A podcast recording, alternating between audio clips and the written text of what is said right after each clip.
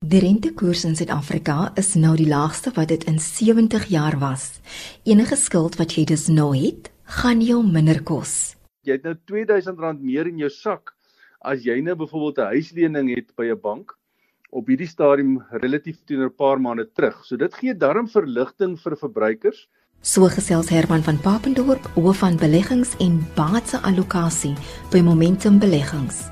En jy luister na Rand en Sent Er is 100 tot 104 FM met my Olivia Sambo. Baie welkom. Die rentekoersverlaging bied natuurlik finansiële verligting, veral nou tydens COVID-19. Olivia, ja, die Reserwebank het definitief vir, die verbruikers en vir die sake sektor verligting gegee deur die rentekoers met 'n half persent te verlaag. Nou mense moet dit eintlik eerder sien as verligting as as stimulus vir die ekonomie. Want er, onthou nou die Reserwebank probeer eintlik om hierdie skok impak van die virus van COVID-19 op die ekonomie te verlig deur die koste van skuld vir verbruikers en besighede te verlaag met hierdie lae rentekoerse.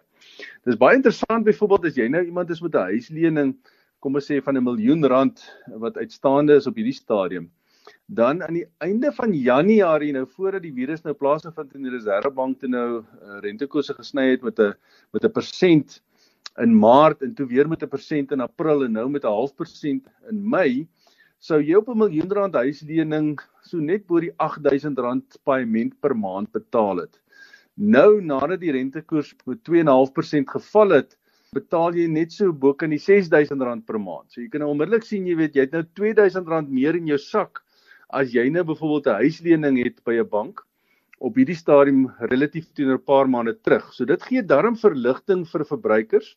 En natuurlik nou as jy 'n besigheid en jy het nou nie huislening noodwendig, jy het mos nou 'n ander skuld wat ook uh, aan 'n rentekoers gekoppel is, dan sal jy dieselfde tipe van verligting op die oomblik in jou sak sien relatief teen wat jy voorheen betaal het so 'n paar maande terug. So hierdie dinge help almal darm so 'n bietjie om eintlik so half jy weet eh, 'n uh, bietjie verligting te gee vir die ekonomie van 'n skuldkant af. Dit gaan nou nie vir jou laat uitgaan nou op hierdie stadium as jy 'n verbruiker is en die feit dat rentekoerse nou laag is noodwendig om 'n nuwe huis te koop nie. Want ek dink almal is 'n bietjie versigtig op hierdie stadium om nuwe skuld te maak. So dis nie eintlik 'n stimulusfaktor nie en ek dink die Reserwebank sê dit ook baie duidelik die laaste paar maande wanneer hulle rentekoerse sny sê hulle ons probeer eintlik net verligting gee. Ons dink nie regtig waar dit gaan nou vir ouens meer land spandeer in die ekonomie. Ouens gaan nou nie meer rekenaars koop of meer motors koop of meer huise koop nie, maar dit gee ten minste vir die ouens wat skuld het op die oomblik, dit gee vir hulle ten minste 'n bietjie verligting.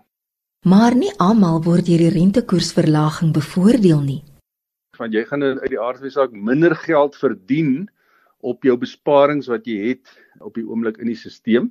So weer eens wat hulle probeer doen is eintlik om vir die leners te help en die bespaarders ongelukkig uh word negatief beïnvloed hierdeur. Jy weet, ons sê altyd daar's nie enige gratis middagetes in die ekonomie nie.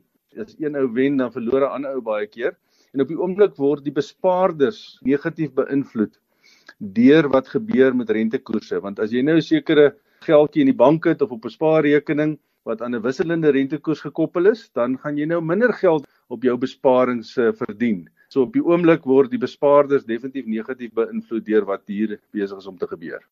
Daar is steeds egter baie ander geleenthede op die aandelemark waar jy jou geld kan belê.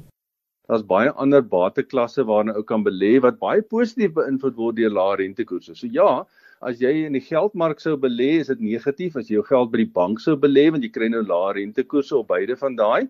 Maar as jy net byvoorbeeld in ander bateklasse sou belê soos aandele, baie van die maatskappye word natuurlik nou positief beïnvloed deur die feit dat rentekoerse uh, verlaag word in die ekonomie omdat hulle skuldlas uh, laer is.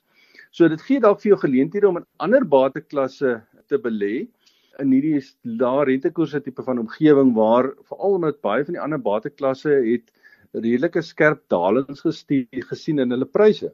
Dit was Herman van Papendorp van Momentum. Nog 'n manier waarop verligting aan verbruikers gebied word, is die betalingsvakansie waar jy vir ongeveer 3 maande nie jou skuld hoef te betaal nie.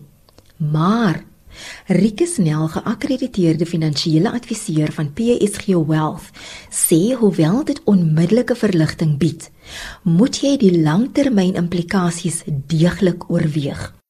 Goed, so ek wil hê ons ons luisteraars moet so 'n bietjie dink aan die ekonomie as 'n sirkel 'n beweging en patroon. Met ander woorde, as ek 'n betaling van watter aard ook al terughou en dit nie spandeer nie, dan beteken dit die persoon wat ek sou betaal ontvang nie daai kontant vloei nie en kan dit ook weer nie aangee aan die volgende persoon wat hulle moet betaal nie. Met ander woorde, die sirkel raak of al hoe groter of al hoe kleiner. Nou ons weet 'n wiel wat groter raak, kan al hoe stadiger draai en nog steeds meer afstand af lê, maar hoe, hoe kleiner hierdie wiel raak, hoe vinniger moet hy draai of jy verloor basies uh, spoed. Dit is wat mense net moet verstaan dat as hulle 'n betaling nie maak nie, moet dit regtig noodsaaklik wees dat hulle dit nie maak nie. Ek is baie gekant teen die weerhouding van betaling spesifiek van groot besighede na klein besighede wat betaling weerhou om hulle eie posisie te verbeter maar ten koste daarvan in die klein en medium handel in. En dit het langtermyn implikasies wanneer daai besighede omval dit vergroot werkloosheid dis addisionele belasting wat die oorblywende besighede moet betaal. So dit is regtig baie skadelik en daarom om terug te kom net dis 'n absolute noodsaaklike deel om wel te betaal as jy in 'n posisie is om dit te kan doen. Om 'n betalingsvakansie te neem moet regtig die laaste uitweg wees om operasioneel te oorleef. Dit moenie 'n keuse wees nie. Uh, jy moet genoodsaak wees om dit te doen om operasioneel staande te bly. Met ander woorde net eers kontant vloei positief te bly. Nou daar's natuurlik nou uitstel op 'n hele klomp betalings wat voorgestel is sommiges is van die regering met ander woorde daar's belasting en vakansies daar's krediteure wat dalk eh, 'n uh, vakansie voorstel wat ek eintlik uh, betwyfel op die stadium, maar dit kan wees 'n bank wat op jou verbandlening of van jou ander skuld dalk 'n vakansie aanbied. So elkeen van hierdie skuldeisers het basies dan hulle eie kriteria van wanneer iemand sal kwalifiseer en dan 'n eie proses Hoewel die betalingsvakansie broodnodige verligting bied in 'n bittermoeilike tyd, skilder die syfers 'n skrikwekkende prentjie. Die uh, som wat ek gaan maak het rondom 'n verbandlening. Nou ons weet dat oor 'n 20 jaar verbandlening is die terugbetaling van as jy 'n miljoen rand leen, is die terugbetalingsbedrag wat jy oor hierdie 20 jaar betaal omtrent 2.2 keer die 1 miljoen. So jy betaal om en by 2.2 miljoen rand terug. Oor 'n 30 jaar verband raak dit 'n 3.2 miljoen rand se terugbetaling. En dis omtrent teen so 10% rentekoers. Nou die som wat ek gemaak het as jy na jaar 3 3 maande se terugbetalings weerhou en na die 3 maande tree jy weet kom ons sê terug en jou betalings normaliseer die balans na 20 jaar as jy nie jou paaiement gaan aanpas het nie en gaan verhoog het nie die terugbetalings bly met ander woorde konstant jou balans na 20 jaar is steeds 15% van jou oorspronklike leningsbedrag. So waar dit 0 sou gewees het as jy die hele 20 eh, jaar betaal het as jy net 3 maande se betaling opskort dan beteken dit jy eindig op met 15% van die balans steeds na jaar 20. So jy kan sien as iemand betalings weerhou of dan nou die, in hierdie betalingsvakansie deelneem, kan jy duidelik sien die bank gaan of na die tyd jou paaiement wesentlik moet verhoog of hulle gaan die lening basies moet herstruktureer na jy weet moontlik weer 'n 20 jaar termyn. As jy 'n jaar hierdie betalingsvakansie uh, toepas, dan hoor jy mis 12 betalings. Na 20 jaar eindig jy steeds op met 60% van die balans. Uh en jy kan sien dat om 12 maande nie jy mis omtrent 7 jaar se voordeel in jou uh, verband oor 20 jaar. So dis absoluut kritiek om as jy dit kan byhou om dit te betaal en nie die betalingsvakansie te gebruik nie. Jy het geluister na Rikke Snell van PSG Wealth. Ek is Olivia Sambo en dis Rand en Sent RSG 100 tot 104 FM. Reputasie is sies iets wat voorkeur geniet nie totdat daar 'n krisis is wat die publiek se siening van 'n maatskappy verander. Regine Leroux, besturende direkteur van Reputation Matters, sê reputasie strek veel verder as net bemarking en kommunikasie. So dit gaan oor die leierskap, dit gaan oor waardes, dit gaan oor etiek. Baie mense dink reputasie is alles wat jy aanlyn doen, so wat jy op sosiale media sit, wat jy op Twitter en Facebook. Maar dis so half die die die laaste fase van dit alles. Jy kan soveel geld spandeer op jou bemarking as wat jy wil, maar as jy nie jou boublokke van waardes en etiek en prosesse in plek het nie, dan gaan jy jou geld en tyd mors. Dis ons missie op die oomblik is om maatskappye te help. As jy 'n goeie reputasie het, dan gaan mense met jou besigheid wil doen mense wil besigheid doen met maatskappye wat hulle vertrou en wat aanhoudend goeie diens lewer. Baie keer dink mense aan reputasie as die sosiale media, die aanlyn goed, die eksterne kommunikasie. Maar waar dit eintlik begin en waar waar dit belangrik is, is as ons kyk na die waardes van 'n maatskappy. Dis waar ons moet begin. Wat is die waardes? Wat is ons ethos? Wat is ons etiek as 'n maatskappy? Hoe maak ons besluite? En van daar af, wat is ons visie en wat maak ons uniek? Wat dra ons by tot die samelewing? So as ons daai goedjies in plek het, van daar af gaan dit vir ons help wat om te kommunikeer, aan wie om te kommunikeer, hoe om te kommunikeer en dit gaan ons dan help om daai reputasie te kan bou. Daar is verskeie elemente waarop jy moet fokus. Dis maklik, maar dis nie simpel nie. So as mens daai boublokke in plek het en daar's verskeie boublokke wat mens na moet kyk. Daar's leierskap, daar's die waardes, daar's hoe jy kommunikeer. Dit gaan oor jou span, het jy die regte mense met wie jy besigheid doen. Dit gaan oor hoe jy jou diens lewer en so voort. So daar's heelwat ehm um, elemente waarna mens moet kyk, maar dit is nie moeilik nie. Maar ek dink baie keer vergeet mense die die fondament van 'n maatskappy en daai fondament is wat 'n mens se reputasie bou. So as mens kyk na die besigheid, die hele besigheid dra by hoe daai organisasie gesien word en hoe daai organisasie besigheid doen en dit gaan lei tot sy reputasie. Hoe jy jou diens lewer oor 'n tydperk gaan of goed wees wat lei tot 'n goeie reputasie of swak of selfs onvoorspelbaar. En die laaste twee gaan lei tot 'n negatiewe ervaring want as dit nie dieselfde konstante goeie diens is nie, dan gaan jy jou reputasie beïnvloed en dan gaan mense nie noodwendig met jou werk wil doen nie omdat hulle nie weet wat se kwaliteit hulle gaan kry van jou nie. Jou werkers dra die beeld van jou maatskappy uit na kliënte en die diens wat hulle lewer kan jou reputasie bou of breek? Die eerste indruk wat mense van jou maatskappy kry, is met die werknemer. Want hulle is jou brand ambassador.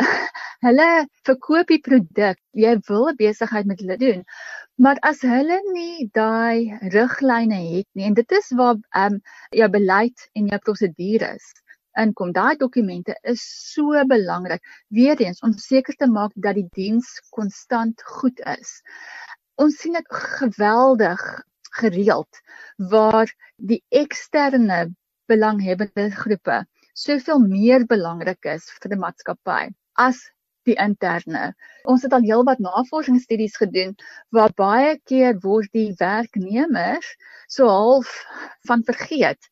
En as mense sê maar kom ons vind by hulle uit, kom ons kry hulle mening ook want wat hulle voel en wat hulle ervaar, kommunikeer hulle aan vriende en familie oor naweke en na ure. En jou familie en vriende gaan eerder na jou luister en hoor of jy gelukkig of ongelukkig is as 'n smart advertensie of 'n oulike ding op Facebook of Twitter. So om jou mense se insette te kry is verskriklik belangrik om seker te maak dat hulle ook die regte boodskap het en die regte boodskap uitstraal en uitleef met die mense om hulle. Regine beskou jou kliënte en jou werkers as 'n integrale deel van jou onderneming. Ek dink baie keer maatskappye weet hulle verskillende belanghebbendes of stakeholders soos die Engelse mense sê baie dink dit is die aandeelhouers of die beleggers, maar ek persoonlik is van die mening dat jou kliënte en jou werknemers is van die belangrikste mense in die maatskappy wat die maatskappy na moet kyk. Ek dink ons is met almal tot versadigingspunt toe met COVID op die oomblik en ek verstaan dit en ek het empatie en ek verstaan die situasie maar ek dink wat mens baie baie versigtig oor moet wees is om alles nou op COVID te moet blameer. Kliënte en jou werknemers is die belangrikste mense om na te kyk op die oomblik want sonder sake transaksies is 'n onderneming nie volhoubaar nie. So daai twee is so so belangrik. Sonder hulle gaan jy nie baie ver kom nie. Daar is wel riglyne wat jy kan gebruik om kliëntediens te verbeter. Nommer 1 is kommunikasiebeleid en prosedures. So die dokument sal aan die werkspan leiding en riglyne bied hoe om spesifieke dienste lewer en hoe om met verskillende belanghebbendes te kommunikeer want verskillende mense wil op verskillende maniere gekommunikeer word. 'n Ouer generasie verkies dit om byvoorbeeld op die telefoon te gesels as om 'n e-pos te kry. Waar jou generasie X hou baie meer daarvan om 'n e-pos of 'n WhatsApp te kry. En jou jonger generasie natuurlik ook is baie meer sosiaal. Nommer 2, konstante goeie diens. Hoe jy jou diens lewer oor 'n tydperk gaan of goed wees wat gaan lei tot 'n goeie reputasie of soos ons al genoem het, onvoorspelbaarheid gaan lei tot 'n negatiewe ervaring en reputasie. daarmee wil ek ook net byvoeg konsekwente boodskappe is belangrik dat jy die regte kanale gebruik en dat daai boodskap dieselfde is. Ek het nou onlangs 'n um, 'n situasie gehad waar ek baie ongelukkig was oor 'n spesifieke diens. En ek het met hulle gepraat oor die telefoon, ek het hulle ge-e-pos en hele sosiale media toe gebruik toe ek nie terugvoer van hulle gekry het soos hulle beloof het nie. En elke enkele boodskap van hulle was verskillend. En nie eers die kommunikasie op Twitter en Facebook was dieselfde nie. So dit is verskriklik belangrik om daai riglyne en seker te maak dat alles dieselfde is. Nommer 3, kyk na jou mense. Gee om, wys empatie en dat jy eintlik omgee oor die kliënt. En dan nommer 4, voortdurende verbetering elke klag is 'n geleentheid om jou diens te verbeter en te verskerp. So dit is die vier stappe of die vier goed wat mense aan kan dink om hulle kliëntediens op te skerp. Goeie leierskap is nou reeds tydens COVID-19 nodiger as ooit. Ek hou daarvan om dit te, vergelyk met 'n skip. Waar jy is die kaptein van jou skip. Jy moet kyk waartoe ons gaan. As jy onder en daai skip gaan roei saam met al die ander wat jy roei, gaan julle in 'n sirkel roei en julle gaan heel moontlik in iets vasbots. So jy het 'n kaptein van die skip nodig om te sien dis waartoe ons gaan en dis hoe ons daar gaan uitkom. Dit was Regine Leroux van Reputation Matters. Ek het ook gesels met Rieke Snell van PSG Wealth en Herman van Papendorp van Momentum Beleggings. Ek is Olivia Sambo, die program word weer Woensdagoggend 04:30 weer uitgesaai en dis totsiens van my hier op Brand & Cent, RSG 100 tot 104 FM tot volgende Sondagmiddag om 4:00.